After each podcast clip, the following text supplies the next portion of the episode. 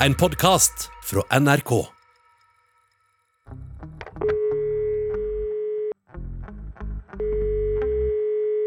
Brannvesenet. God dag, god dagen. Renny Nordlund som ringer. Jeg prøver igjen. Håper jeg har bedre dekning til å gjøre meg. Ja, nå hører vi deg, vet du. Det er veldig bra. Eh, Jeg er egentlig på campingtur. Skulle tur på toalettet. Greier overhodet ikke å finne plass tilbake til camp. Og jeg er ved Angertjern i, eh, i Halden-området. Du har gått deg bort vilt. Jeg er rett og slett gått meg bort. Elektrikeren René Dale Nordbom trives aller best inne. Men 10. oktober 2020 klarer samboeren hans, Dane, å lure han med ut på telttur. Ja, litt sånn ljugetur. Er ikke det kortere? Jo, jeg tror det er jugetur vi kaller det. Ja, rett og slett. Så, så målet meninga med det var jo egentlig bare rett og slett ta seg en tur ut. Klokka fem på natta blir Dane plutselig vekka av tre politimenn. Hun kan høre et redningshelikopter i det fjerne, og René ligger ikke lenger i teltet sitt. Er jeg våken? Drømmer jeg, eller hva, hva skjer? Så kommer litt av hele den der vemmelige magefølelsen fram òg. Tror de at dette var en tulletelefon? Tror de at jeg driver gjønn? Kommer de til å komme og se etter meg?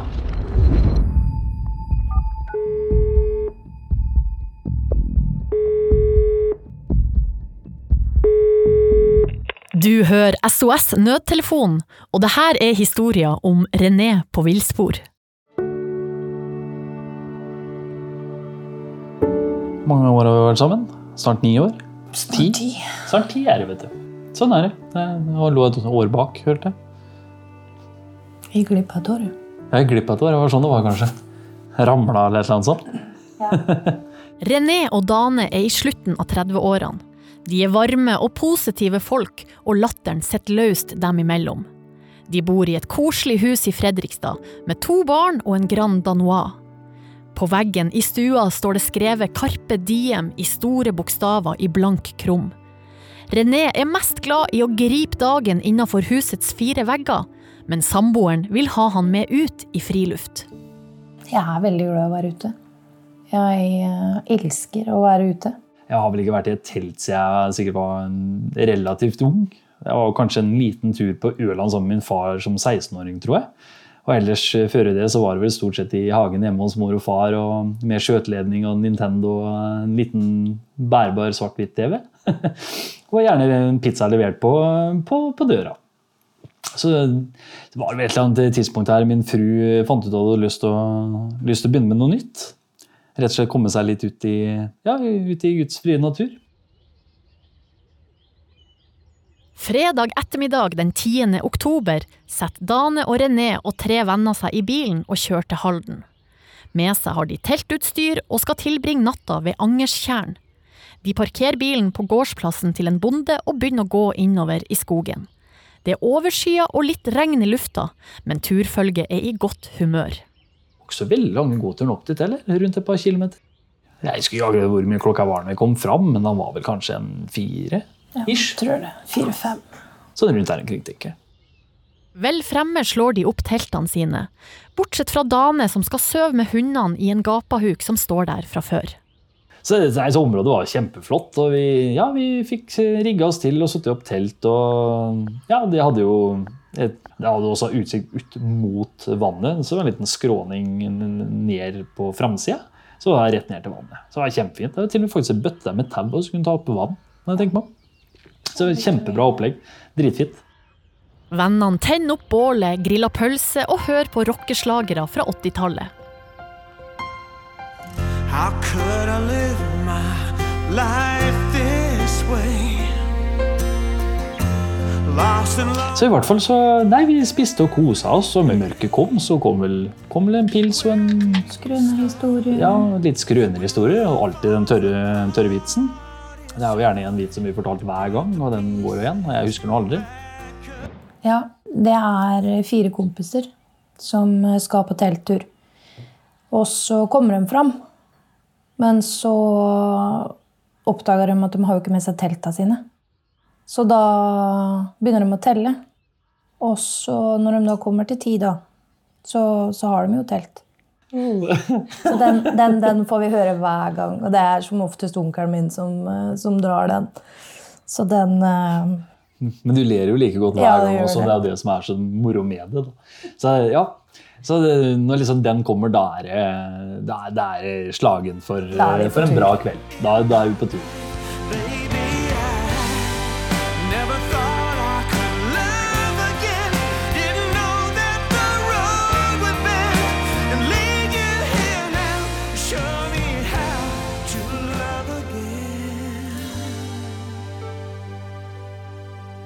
Da klokka nærmer seg elleve, bestemmer gjengen seg for å ta kvelden. René er i godt humør og tenker at det var ikke så ille med en telttur likevel. Rett før han sovner, så kjenner han at han må på do. Det rumla godt, så jeg tenkte nei, dette må vi få gjort noe med. Så jeg får jo kave etter, eh, kave etter en ulloverdel som jeg drar på meg. Og hodelykta lå jo for så vidt litt tilgjengelig, så den tok jeg også med. Og så tok jeg med dopapir og på med støvler. I bare bokser og ulltrøye rusler René et lite stykke vekk fra teltplassen. Lykkelig uvitende om at det her er siste gang han ser teltet sitt denne kvelden. René har gått på en sti ca. 100 meter vekk fra teltplassen ned mot tjernet. Utenom lyset fra hodelykta er han helt omringa av oktobermørket. Vinden pisker de bare lårene, og René vil fort tilbake til teltet. Men før han rekker å gjøre noe som helst, slår plutselig forvirringa inn. Plutselig så slår meg. Hvem retning kommer jeg fra? Hvor kommer jeg fra? Og så begynner liksom Ikke panikken. Ikke, ikke, ikke på det tidspunktet, i hvert fall. Men så tenker jeg nei, vet du hva, dette her er jo helt sært. Og lyser liksom litt rundt meg. René har gått et stykke vekk fra stien, og nå finner han den ikke igjen. Men han vet jo at teltplassen er rett i nærheten. Men i hvert fall så begynner jeg å da gå. Og jeg, i hvilken retning jeg da går, er jo da i hvert fall definitivt feil. Så jeg eh, plutselig forstår at nå har jeg jo virkelig rota bort. Og jeg gikk jo sikkert da på kryss og tvers. Og da tenkte jeg nå, nå er du, nå er du på villspor.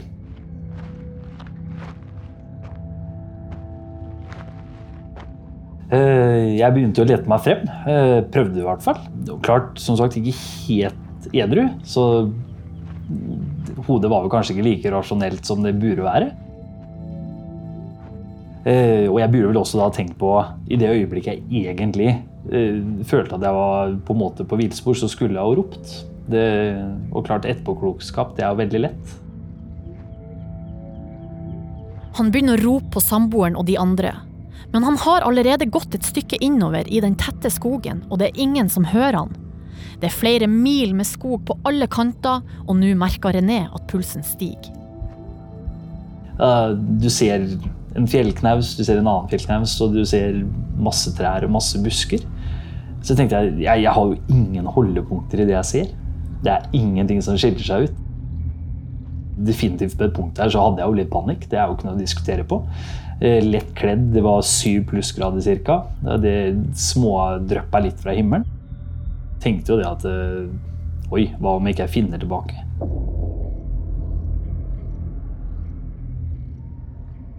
Mobilen til René ligger igjen i teltet, men det går opp for han at han har ei smartklokke med innebygd SIM-kort. Han prøver å ringe Dane og kompisene som er igjen i teltene. det var å bare gi opp, for det kom jo aldri gjennom. Dekninga var helt tragisk, og jeg slet veldig med å komme igjennom med, med da, å få et signal ut av klokka. René har nå gått rundt i skogen i nærmere en time. Han begynner å innse at han ikke kommer til å finne frem på egen hånd. Til syvende og sist så tenkte jeg at det, det er jo nytteløst å prøve å ringe dem. Så jeg, og nå har jeg vært ute en god stund og tenker at vet at nå, nå må jeg ringe nødtelefonen. Brannvesenet. God dag, god dagen. Renny Nordlund som ringer. Jeg prøver igjen. Håper jeg har bedre dekning så du hører meg. Ja, nå hører vi deg, vet du. Du har gått deg bort vilt.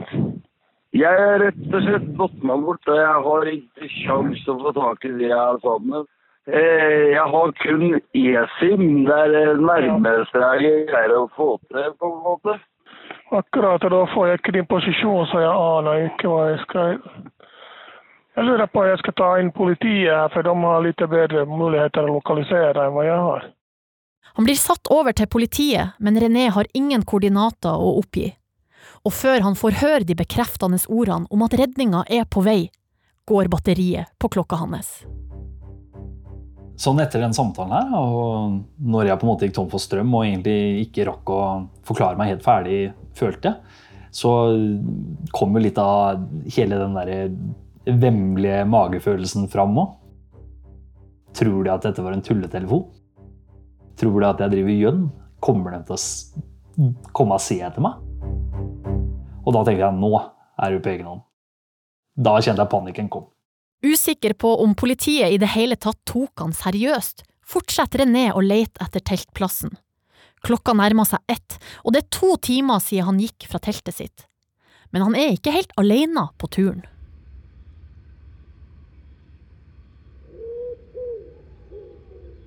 Ja, etter, etter klokka mi gikk tom for strøm, så, så, så var det jo egentlig bare meg og dorullen min på tur. Og heldigvis da også hodelykta. Og nå skal det sies at denne dorullen var jo en eh, trofast kompanjong på hele min ferd eh, under nattas eh, utflukt.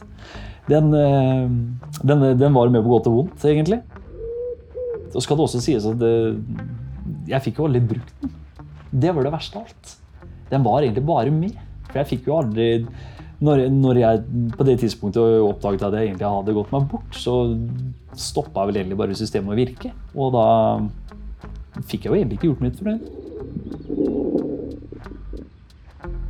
René har fortsatt ingen anelse om hvor han er, eller om politiet leter etter han. Han kjemper seg gjennom tett skog og store myrer, og han har ikke sett snurten av en sti eller noe tegn til mennesker på nesten tre timer.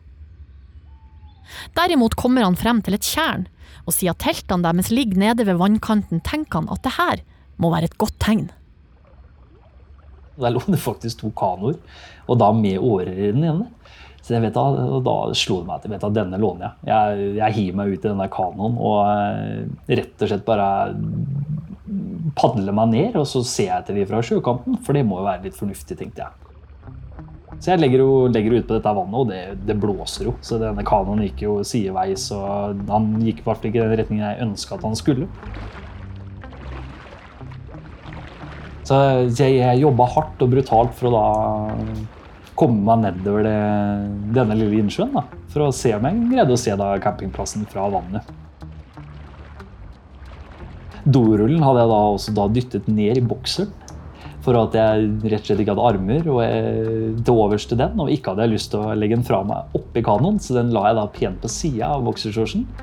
Og der, der ble, den, ble den en stund, for å si det sånn på et punkt da jeg innser at vet du hva, det, det her er jo helt feil innsjø. Jeg er jo ikke på samme vannet vi har campa ved i det hele tatt, for det her er jo ingenting som stemmer. Så jeg skjønner jo da at jeg får jo padle tilbake. Og jobba meg hardt oppover for å komme, komme dit den kanon lå. For å komme i land må han hoppe ut i vannet. Støvlene hans fylles med vann, og René må fortsette ferden gjennomvåt på føttene. Han har nå gått rundt i kulda i nesten fire timer, og vurderer å legge seg i ly for vinden under kanoen, men ombestemmer seg og fortsetter å gå. Så jeg rasa jo da videre innover i skogen. Og jeg gikk et godt stykke til egentlig før jeg kom til en sti. Og da tenkte jeg yes, nå er jeg kanskje litt nærmere fornuften. For en vei, eller, en, eller det var ikke en sti, det var en grusvei. Eh, og da tenkte jeg at den, en grusvei fører alltid et sted. Så det er positivt. Så jeg begynte å da gå langs denne veien. Og langt i det fjerne da, så hører jeg jo endelig et helikopter. Og da skjønte jeg nå jeg har, jeg ble tatt seriøst på telefonen. De er ute og leter etter meg. Nå er det muligheter.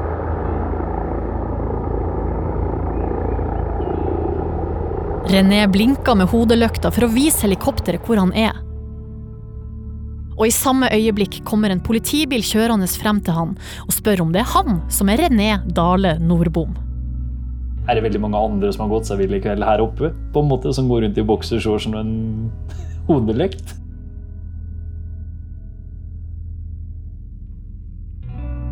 Vi møtte jo en mann som passet til beskrivelsen, og det var ikke så mange andre som var rundt i skogen der heller. Eh, Han var jo tynnkledd, og han virka letta og litt nedkjølt. Han eh, var litt stressa eh, for det han hadde vært med på. Vi fikk han inn i bilen og fikk satt på varmen til den, så han fikk varma seg litt.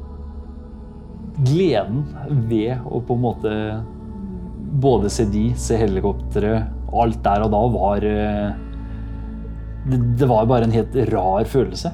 Og eh, mens jeg sitter bak i den bilen på vei nedover, så er det jo Det er jo masse rart som går gjennom hodet. Jeg tenker på alle mulige scenarioer som hva som kunne gått gærent underveis. Hva, hva jeg på en måte både tenkte på og tenkte med, spesielt etter kanoturen min da i dårlig bekledning, ingen vest. Hvor dum var du egentlig? Eh, mange sånne type tanker da, som gikk gjennom hodet. Han var eh, ganske takknemlig eh, og virka å være litt flau over det som hadde skjedd. Og I den forbindelse så er det jo viktig å understreke at man aldri må være redd for å ringe politiet, selv om man må oppleve det som litt flaut. Politiet vi er der for å hjelpe, og vi tenker ikke på om det er flaut eller ikke. Det er ikke det som er jobben vår. Det kan jo være svært vanskelig å finne veien tilbake, sånn som det var i det tilfellet her med René. Men her gikk det heldigvis bra. Og mye av det takket være at René var tidlig ute med å kontakte hjelp. Tilbake på teltplassen ligger Dane fortsatt og sover, og aner fred og ingen fare når en dyp mannsrøst river henne ut av søvnen. Plutselig så hører jeg bare 'hallo'? Dane? Og så tenkte jeg ja, ok. Åpner teltet, og der står det da tre politimenn med hodelykter og søkshund. Eh, ja, eh, du, vi, vi, vi har funnet han René. Ja, sier jeg, han ligger jo i teltet ved siden av her. Hvorfor, hvorfor leter dere etter han? Eh, nei, han gjør ikke det. Han har vært ute på tur. Alene i natt. Eh, jaha. litt, litt omtåka, litt sånn Er jeg våken? Drømmer jeg, eller hva, hva skjer? Dane får summa seg litt, og da det går opp for henne at hun ikke drømmer, fyrer hun opp bålet igjen til René kommer tilbake. Nei, da ser vi hodelykter da, som kommer. Og eh, René som kommer først. Og det eneste som slo meg Jeg skulle ønske jeg så han når politiet fant den. Med den dorullen og støvlene og hodelykta, og det må Det måtte ha vært eh, Jeg har jo tenkt litt på den der i etterkant, jeg også. Det må jo ha vært et syn for de to politifolka som faktisk så meg. Og da kom gående med da, den dorullen på sida av bokseren, bulende ut. Og, ja, det så vi sikkert totalt idiotisk ut. Trygt hjemme igjen i Fredrikstad har René tross alt blitt noen erfaringer rikere. Så klart, er man på tur, bruk hodet. Sørg for at alt eh, av ting man kan på en måte finne ut av i dagslys, er på stell. Ha, Sørg for å ha steder man kjenner seg igjen. Ting man kan referere til. Spesielle trær, spesielle steiner. Ikke minst vet du hvor stien går. Selvfølgelig var det jo alvorlig. Du har blitt klissbløt, eller jeg kunne ha drukna for alt jeg vet. Men med tanke på at allting gikk så bra som det gjorde, og eh, hva et lite dobesøk i nattemørket med litt promille kan gjøre, og hva det forårsaker, så, eh, så jeg, jeg, må jo, jeg må jo si at jeg flirer litt av det fra det hele, hele settinga var bare totalt idiotisk. Selv om planene til Dane om å få René med ut på telttur ikke gikk helt smertefritt for seg, er han klar for flere turer. Men kanskje det er lurt å begynne i det små. Så neste tur, Jeg blir ute på platingen her. eller på platingen hjemme. Ja. Jeg trygt det sikkert, da.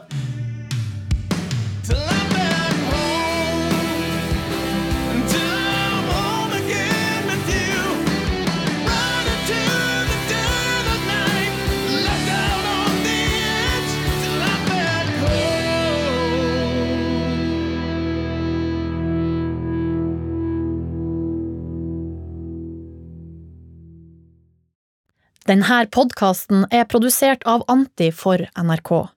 Og den er laga av Mari Kvale, Sara Taslimi, Hege Gorder Nordli, Kent Kampesveen og meg, Silje Nordnes. Produsent i Anti er Elisabeth Stabel, og vår redaktør i NRK er Mirja Minjares. Du har hørt en podkast fra NRK. Du kan nå høre flere episoder av denne serien i appen NRK Radio.